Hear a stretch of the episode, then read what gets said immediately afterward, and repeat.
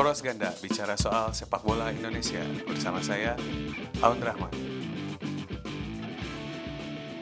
Sebelum dimulai episode debut Poros Ganda, uh, ada dua hal dulu nih. Yang pertama, bela sungkawa yang sebesar-besarnya. Doa dan semangat untuk para korban tsunami di Palu dan Donggala. Stay safe and be strong. Uh, kedua, pasti pada bertanya-tanya kenapa namanya Poros Ganda. Karena podcastnya emang membahas khusus sepak bola Indonesia, jadi nama yang dipilih juga berbahasa Indonesia. Uh, seperti yang teman-teman tahu, kalau poros ganda ini ada di sektor gandang, uh, yang berperan untuk menyambung dan mengalirkan bola dan permainan.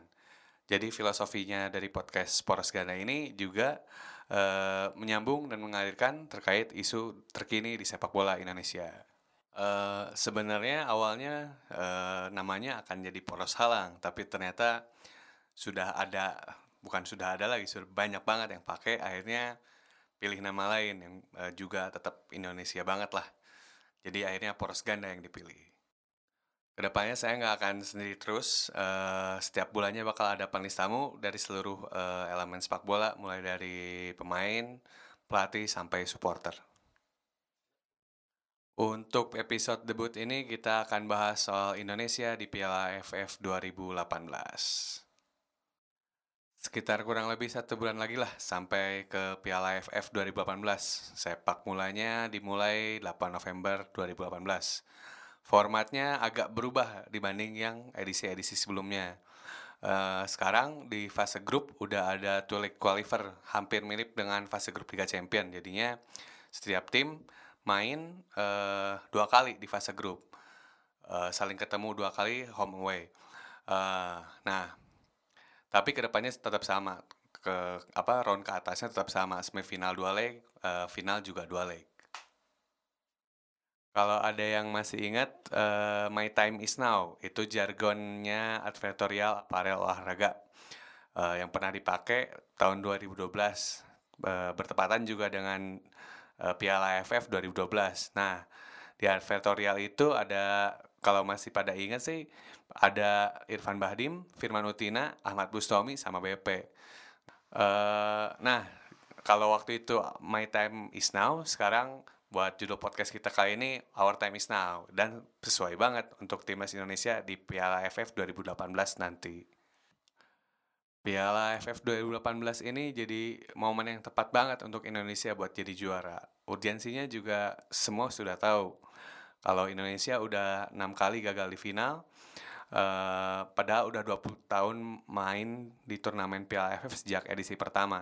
Nah, yang jadi makin-makin miris lagi tuh karena di antara founding father AFF cuman Indonesia yang belum pernah jadi juara. Padahal Malaysia, Thailand sama Singapura yang sama-sama founding father AFF semua udah ngerasain jadi juara Piala AFF.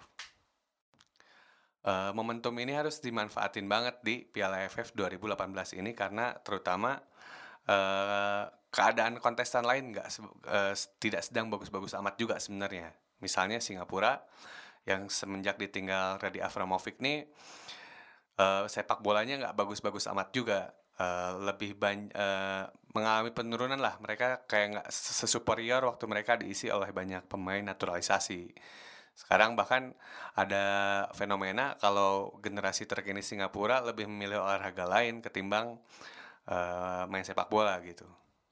Sementara yang terjadi di Filipina sama Malaysia, mereka emang grafiknya lagi lumayan naik. Uh, Mike Ott di Filipina dan juga Adam Azlin di Malaysia ini masih butuh waktu generasi mereka ini buat bisa naik ke top level, masih butuh waktu banget lah.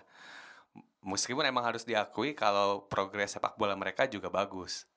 Sementara kalau Vietnam kita lihat emang generasi muda mereka terutama di U22 emang pencapaiannya luar biasa. Tapi harus kita juga lihat secara historis.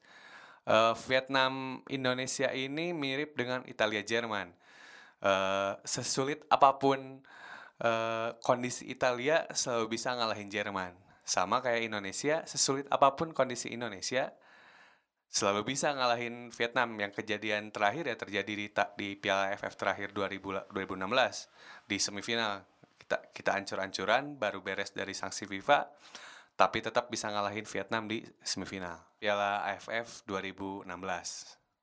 Sementara Thailand uh, yang selalu berhasil memupus harapan Indonesia di tiga final, uh, termasuk yang terakhir di tahun 2016 lalu ini juga situasinya nggak terlalu bagus. Uh, mereka kayaknya mengalami penurunan selepas era pelatih Ziko Senamuang.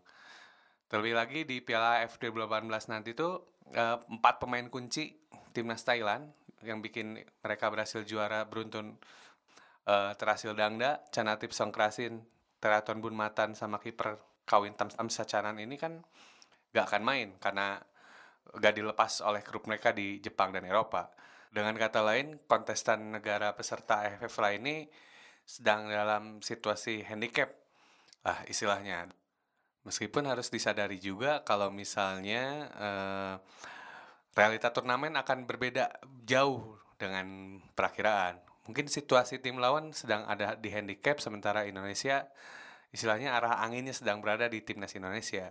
Tapi uh, situasi nantinya kan mungkin juga akan benar-benar berbeda. Karena belum apa-apa uh, pemilihan pemain untuk persiapan Piala AFF 2018 aja sudah mengundang pertanyaan. Contoh misalnya di posisi kiper, Muhammad Ridho ini kan bahkan di Borneo FC-nya saja posisinya udah mulai tergeser oleh Nadia Winata. Ini pertanyaan besar, uh, kenapa masih dipanggil? juga di misal yang lain di sektor pertahanan uh, Ahmad Jufrianto, Yanto Basna dan Ryuji Utomo ini nggak dipanggil padahal mereka benar-benar main bagus di tim mereka masing-masing di Malaysia dan juga di uh, di Thailand. Uh, yang dipanggil masih pemain-pemain yang kebanyakan juga sebenarnya tidak terlalu spesial juga begitu apa yang kejadian di Piala AFF 2016 ini mesti dijadiin pembelajaran. Jangan sampai kejadian lagi di tahun 2018 ini. Kalau masih diingatkan waktu itu uh, timnas hanya bisa memanggil dua pemain uh, per klub. Dengan situasi sepak bola Indonesia yang juga lagi tidak terlalu kondusif, bisa jadi yang terjadi di Piala AFF 2016 itu akan terjadi lagi di Piala AFF 2018 dan itu kan jadinya disayangkan banget. Akan sangat disayangkan kalau misalnya situasi ini tidak dimanfaatkan dengan baik. Apalagi melihat kalau misalnya kita lihat uh, selama dua tahun ke belakang grafik sepak bola Indonesia ini sedang membaik, uh, terutama di level usia muda. Uh, timnas usia 16, timnas usia 19, timnas U22 juga prestasinya uh, lumayan. Jadi akan sangat disayangkan kalau misalnya muaranya di timnas senior ini juga tidak bisa meraih prestasi di Piala AFF 2018 ini. Ya, jadi teman-teman, uh, Piala AFF 2018 ini urgensinya besar sekali untuk Indonesia menjadi juara. Karena uh, tim peserta lain situasinya sedang tidak terlalu baik dan terlebih lagi menjadi sangat urgent karena kita satu-satunya founding father yang belum pernah merasakan gelar juara. Kalau tidak sekarang, kapan lagi? Yuk, itu episode pertama podcast Poros Ganda terkait Timnas Indonesia di Piala AFF. Tungguin uh, episode selanjutnya, bisa dicek di SoundCloud atau Spotify. Oke, okay, bye.